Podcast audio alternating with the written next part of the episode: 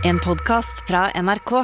De nyeste episodene hører du først i appen NRK Radio.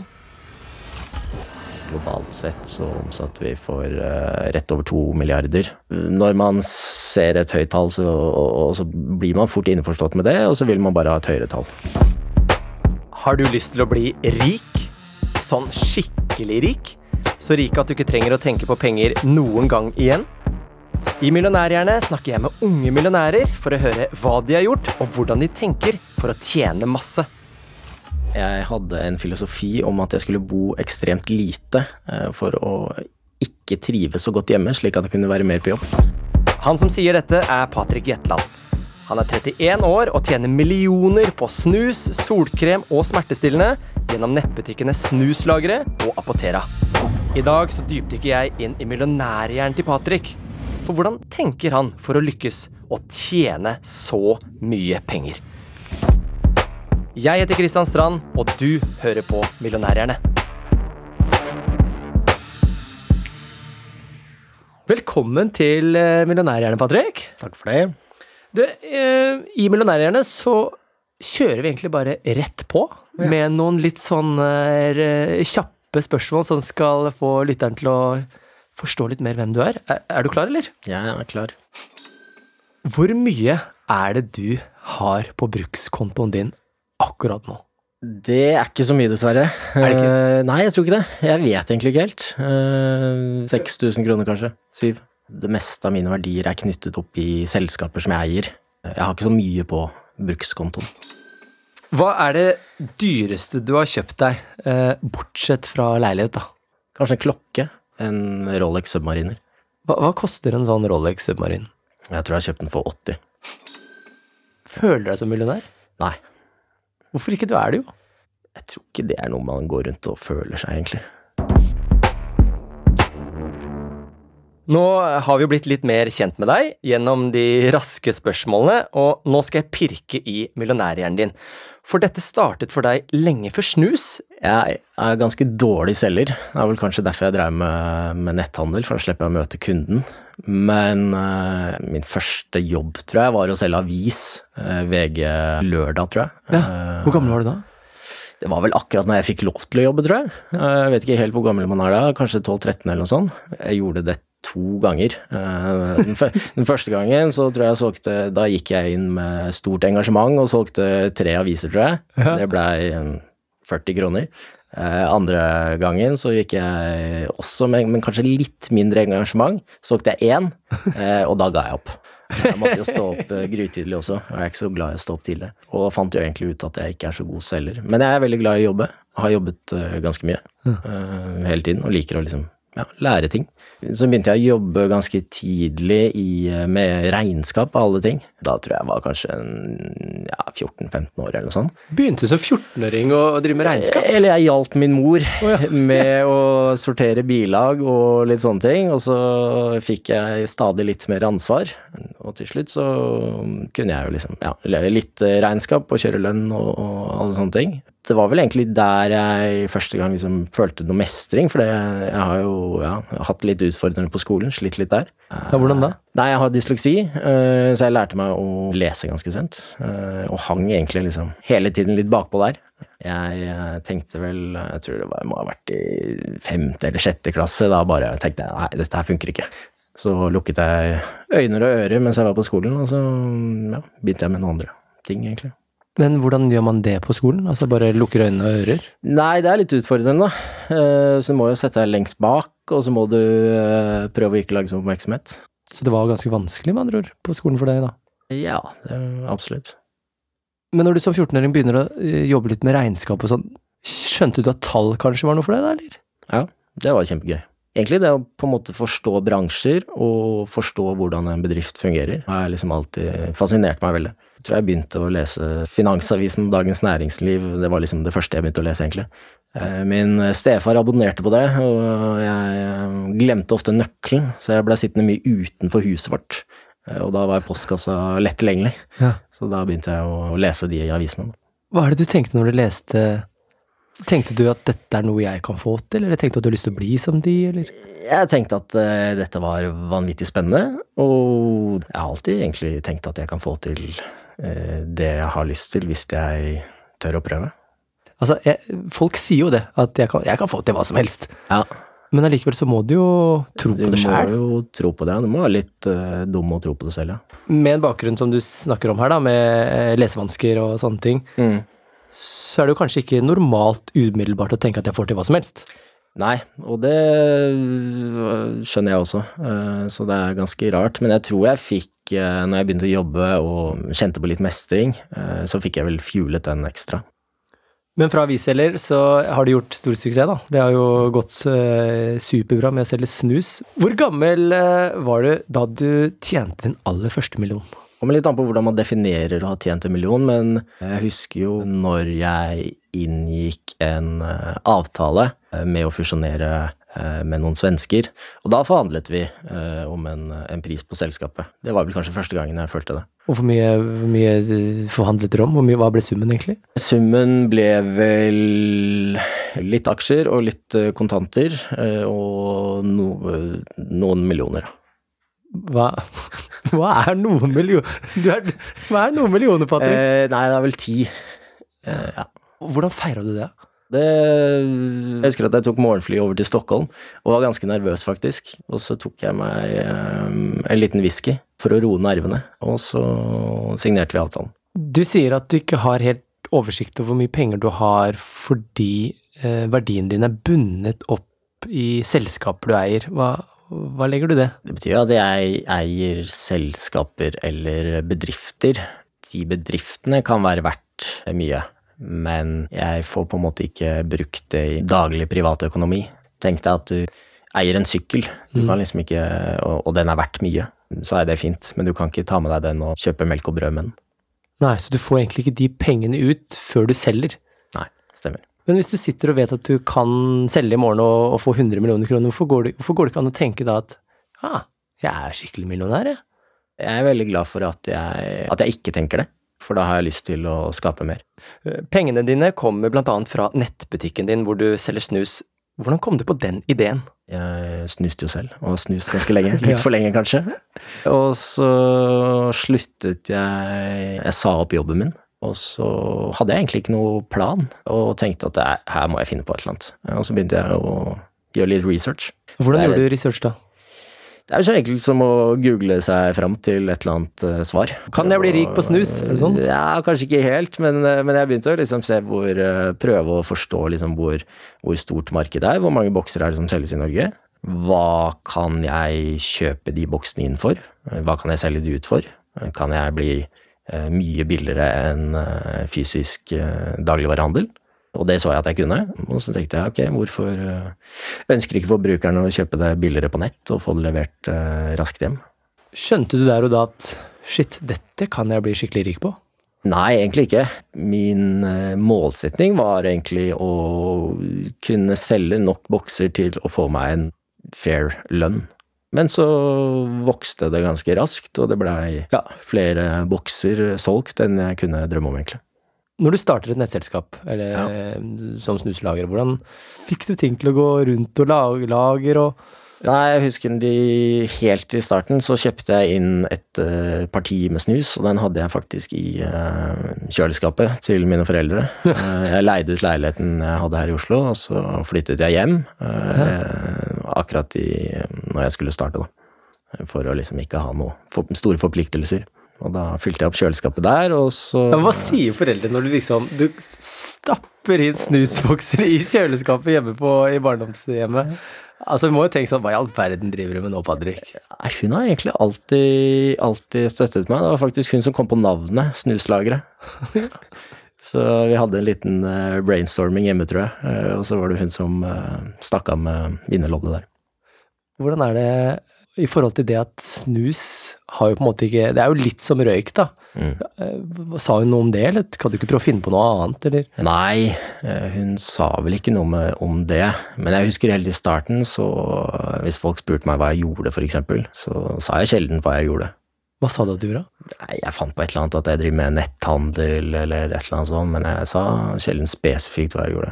Rett for det, altså fordi det er et, en vare som mange har mye mot. da. Hvordan fikk du råd til å kjøpe de første snusboksene dine? Jeg tror jeg startet med rundt 50 000 kroner eller noe sånt. Det skulle dekke både snusbokser og nettbutikk, etablering av det og litt sånn forskjellig. Men dro du i butikken da og kjøpte snus for 50 000, eller hvordan gjorde du det? Nei, jeg hadde litt forskjellige leverandører, men det var egentlig litt sånn, hva skal man si, mindre leverandører, ikke de store aktørene. De ville absolutt ikke prate med meg. I hvert fall ikke i starten. Så det tok litt tid. Det var mange, mange mailer uten noe reply. Hvorfor ville de ikke prate med deg? De syntes vel bare at det var plagsomt, og de prøvde å konsentrere seg om de større aktørene. Hvordan fikk du med de store til slutt, da? Altså, etter hvert som man begynner å selge flere og flere snusbokser, så begynner de andre større aktørene å få øynene opp for deg, og så blir det litt mer føyelig etter hvert. Når skjønte du at det begynte å ta skikkelig, liksom? Det var vel ikke et sånn spesifikk eh, punkt, men det var jo veldig opp og ned i starten. Eh, sånn er det. Du har noen gode salgsdager, og så har du noen dårlige salgsdager, og humøret ditt svinger veldig eh, etter salgsutvikling og salgstallene. Kanskje etter to år så blei det jo på en måte såpass stort at det da rullet greit av seg selv, egentlig. Ja, Hva snakker vi om da? Altså Summer og sånn, hvor mye omsetter dere for? Og Nå har det jo blitt ganske stort. Jeg tror vi omsatte for 800-900 millioner i Norge i fjor. Mm. Også sånn globalt sett så omsatte vi for rett over to milliarder. Helt ville summer, da. Så det, har, det er ganske mange snusbokser. Hvordan er det å sitte og se de tallene nå? Altså en milliard i Norge, to milliarder i utlandet. Blir man blind på det, eller? Altså? Man venner seg fort til sånne tall. Når man ser et høyt tall, så, og, så blir man fort innforstått med det, og så vil man bare ha et høyere tall. Man blir jo på en måte aldri fornøyd. Hva med, hva med din egen konto? Har den vokst i takt med suksessen, eller? Mine verdier har nok vokst, men ja, mitt forbruk har vel kanskje vokst litt, det òg, men, men, men, jeg prøver å, å, heller bruke de verdiene jeg skaper til, til nye ting, da. Nye spennende ja, selskaper eller morsomme ting. Men hvor mye verdier er det snakk om, sånn cirka? Det er nok, hvis man skulle solgt det, så hadde det blitt noen titalls millioner. Ja, 10, 20, hva, titalls? Er det 70, er det 100, er det Det er vel kanskje 100 rundt det, ja. Er det rart å, det rart å si sånne tall? Ja, det er ganske høye tall, ja. og jeg har ikke noe forhold til de tallene, egentlig. Det kan være verdt ingenting i morgen, eller det kan være verdt dobbelt om en uke. Men du, du sa jo at de store, store leverandørene de, de, var ikke så keen på å prate med deg i starten. Men er det andre ting som du har opplevd eh, underveis som har vært problemer? Eller har det ja, gått på skinner? Altså, det er jo bra. Ingenting som går på skinner. Det er jo alltid brannslukning hele veien. Man må jo slåss hver dag hele tiden. Både med seg selv og med alle andre. Hvordan er det man slåss med seg selv? Eller mot seg selv? Det er jo mye risiko å ta å starte på et nytt selskap. Det kan gå veldig opp og ned. Så man må jo liksom holde seg i nakkeskinnet og fortsette å, å jobbe hardt. Hvordan er det du forholder deg til risiko rundt det å satse for seg selv, da? Jeg har nok tatt ganske mye risiko. Det er jo alltid en risiko å si på jobben sin å starte for seg selv, starte opp et, et, selskap. Det kan jo gå dårlig. Men igjen, altså Det verste som kan skje, er at det går dårlig. Og det beste som kan skje, er at det går ja, bra. Hvor mye tenker du på risiko? Det er alltid viktig å tenke på det, men samtidig så må man ikke være altfor redd heller. Det er alltid mange som på en måte skal fortelle deg at det ikke funker. Så du må lukke litt ørene, og så må du ha troen på, på, på, deg selv og kjøre på. Men når du sitter, når du får de tankene over deg at shit, dette, det kan hende det ikke går bra.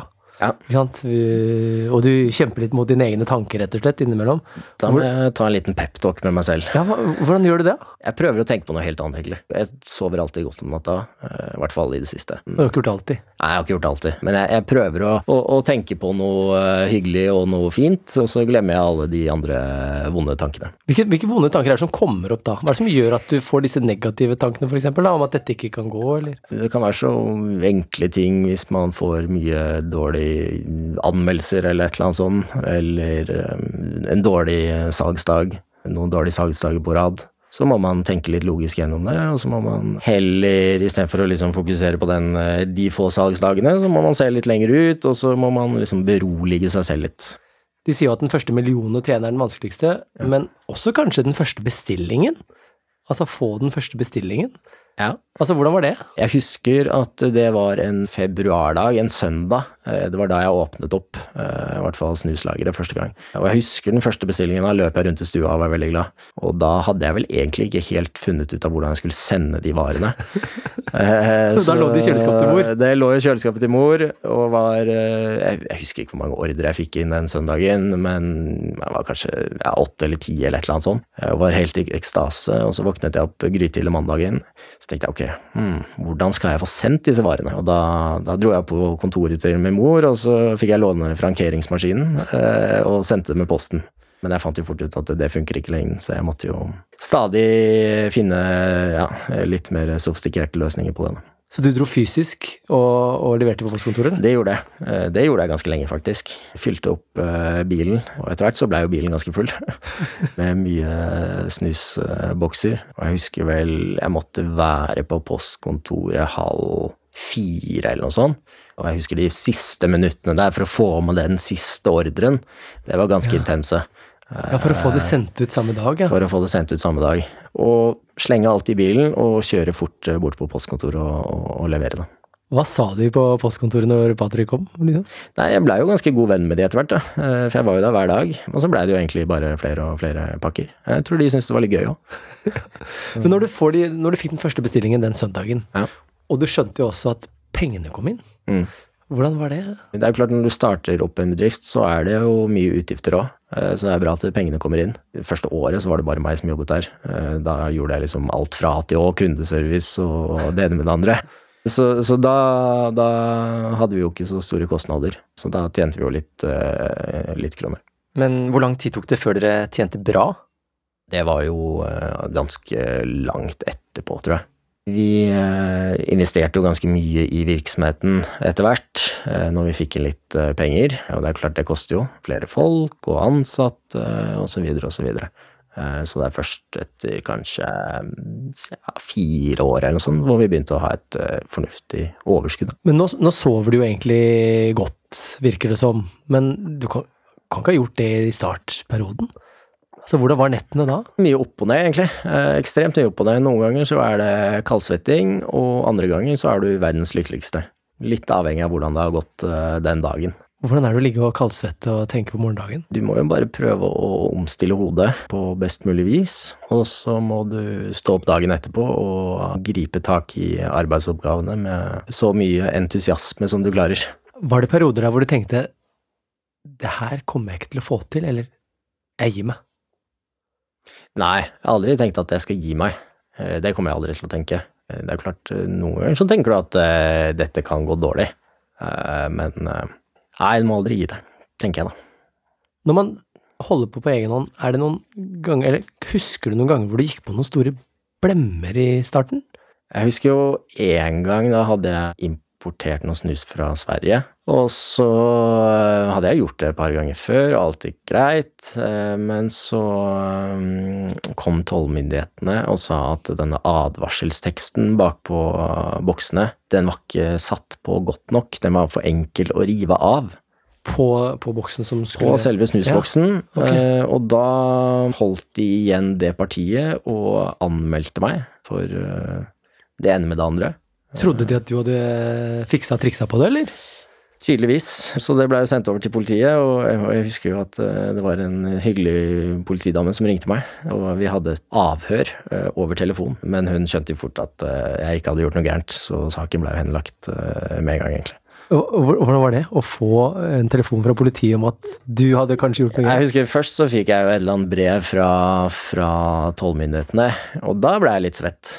Jeg mistet jo det varepartiet. Hvor mye var det verdt? Et par hundre tusen, hundre tusen kanskje. Ja, såpass. Og i starten så var det ganske mye penger. Det var liksom en stor del av uh, varelageret. Hvordan forholdt du deg til å miste 200 000 og sånn? Nei, det var jo litt kjedelig, da. Men det er jo liksom ikke så mye man får gjort noe med. Man måtte jo bare godta det, og så måtte man jobbe på videre, egentlig. Men når du, når du skjønner at ting ikke går helt veien din, altså som Ja, dette var jo kanskje en én som blemme, da. Mm. Men hvordan er det du tenker da, for å komme deg rundt eller komme deg over den Jeg prøver heller å, å fokusere på løsningen istedenfor problemet. Og sånn tror jeg alltid vært. Prøver hele tiden å gruble på ok, hvordan kan jeg løse dette? Og det fins alltid en løsning. Jeg har i hvert fall ikke støtt på et problem hittil som, som ikke har en løsning på, på, på, slutten. Men prøver du liksom å skissere alle mulige løsninger, eller hvordan er det du går inn i det? Jeg tenker nok ekstremt mye gjennom ting. Og det tror jeg min uh, samboer, uh, hun vil bekrefte. Uh, og da kan jeg være ganske stille når jeg plutselig liksom prøver å, å, finne på en løsning til et problem. Er det for at du skal prøve å se alle muligheter, eller er det sånn at du Prøve å finne den beste løsningen, egentlig. Uh, snus det er jo definitivt ikke sunt, for som det står på den snusboksen som ligger her, så står det på klistremerket at denne tobakksvaren kan være helseskadelig og er avhengighetsskapende. Ja, blant annet står det det. Hvordan har du forholdt deg til det, uh, at du har tjent mange millioner på noe som er helseskadelig? Altså, vi forsøker jo å konvertere røykere over til snus, egentlig.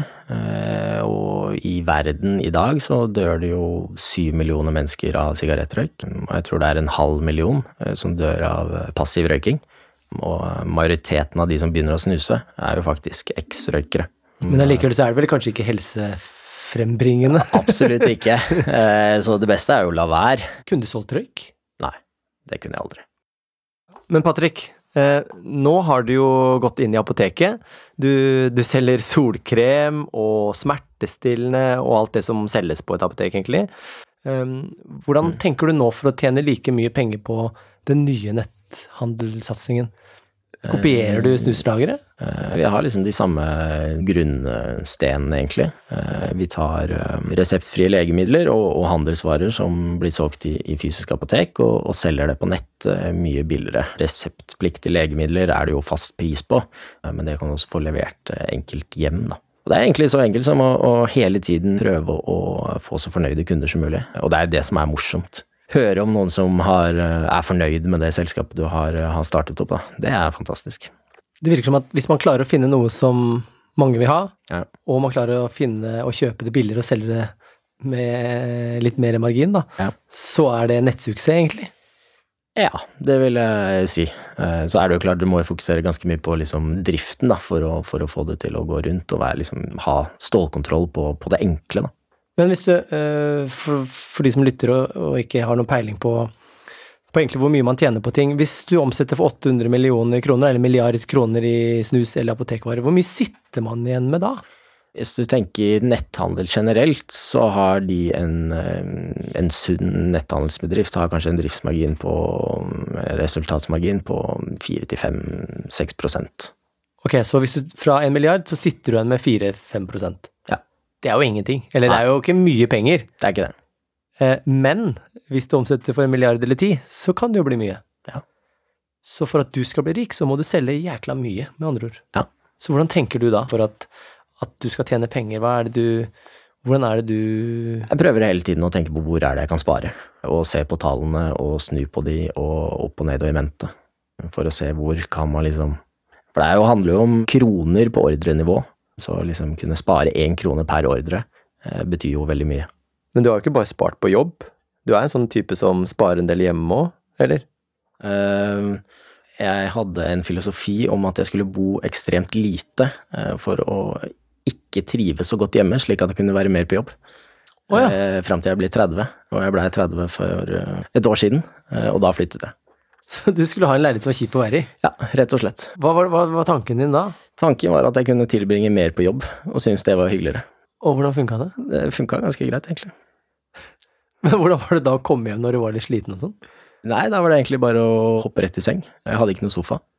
Kanskje spise litt mat. Og så var det å legge seg, og så stå opp dagen etterpå. Hva gjorde det med Altså, hvordan klarte det å påvirke huet ditt? Eh, bli mer fokusert på jobb, da, slik at jeg kan uh, jobbe mer. Og jeg har gjort, alltid gjort mange sånne rare små grep for å, for å liksom kunne jobbe mer. Hvilke andre grep har du gjort? Ja, jeg har jo uh, spist ganske mange måltider på, på, jobb. Jeg har spist ganske mange middager på jobb, og for så vidt frokost og lunsj også. Så du kunne egentlig bare flytte hjem på jobben? Ja. Men hvorfor er det vært så viktig for deg å tilbringe så mye tid på jobb? Er det sånn, jo mer, er tanken din at jo mer timer du legger igjen på kontoret, jo mer effektivt, og ikke minst, jo rikere blir jeg? Ja, hvor bedre går det egentlig? Ofte så handler det om arbeidstider, eller arbeidstimer.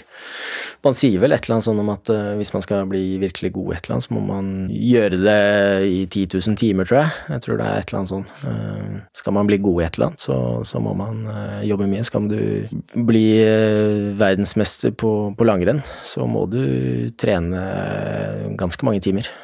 og det samme gjelder egentlig i næringsliv og, og jobb generelt. Tror jeg satte meg det ganske tidlig, at uh, jeg skulle jobbe så mye jeg kunne frem til jeg var 30. Og da skulle jeg roe ned litt. Jeg har ikke rodd ned så veldig mye, men, uh, men uh, nå har jeg økt den til 35, tror jeg.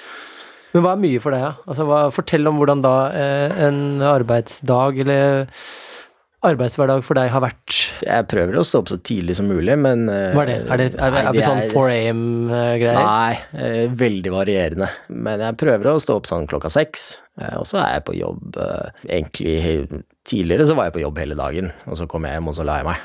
Og da er det hjemme klokka? Ja, ni-ti eller et eller annet sånt. Elleve-tolv. Litt avhengig av hvor mye jeg hadde å gjøre. Men eh, når du startet opp, så tenkte du sikkert én tanke om hva pengene betyr, og pengene, hvor gøy det er å tjene penger. Har du endret det nå? Altså, har du lært noe om penger? Jeg hadde mer fokus på det eh, når jeg var yngre. Kanskje litt sånn klisjé å si, men etter hvert som jeg i hvert fall begynte å tjene noen kroner, så er det kanskje ikke så liksom, spennende allikevel. Hvorfor ikke? Det som gir meg noe, er jo å kunne etablere et selskap som blir godt tatt imot av kunder. Eh, og liksom Hvis jeg hører om noen eh, som på en måte har hatt en god opplevelse med et eller annet jeg har skapt, da, det er fantastisk, og det er, eh, det er en god følelse. Mye bedre enn ja, noen kroner. Hvis det er noen som lytter nå, og så har de lyst til å starte en nettbutikk Man hører jo man hører om flere som gjør det. De gjør suksess, de får solgt den for mange hundre millioner og sånn. Hvis du skulle gi noen tips til dem, mm. hva skulle det ha vært? Uh, mange sier jo at de må, må ha en idé som er god. Jeg tror ikke så mye på den ideen. Uh, jeg tror det mer handler om å, å, å jobbe hardt mot, uh, mot et mål, og ha en god porsjon flaks hjelper alltid. Sikkert mange som sier det, men men, men Kan man starte å selge hva som helst, på en måte? Nei, det er jo greit at det finnes et marked for det du selger. Og at du kan gjøre det bedre enn konkurrentene dine. Det er jo basically det som skal til, tenker jeg da. Og hva er det du har lært som du vet at dette må dere ikke gjøre? Må jo ikke starte opp en nettbutikk som selger produkter som er uh, dårligere enn hva som finnes på markedet, i hvert fall. Uh, til en uh, dyrere pris. det, det, er ikke noen suksessoppskrift. Patrick, tusen takk for at du var gjest i Millionærerne. Og vet du hva, jeg har lært masse om netthandel. Håper det, i hvert fall.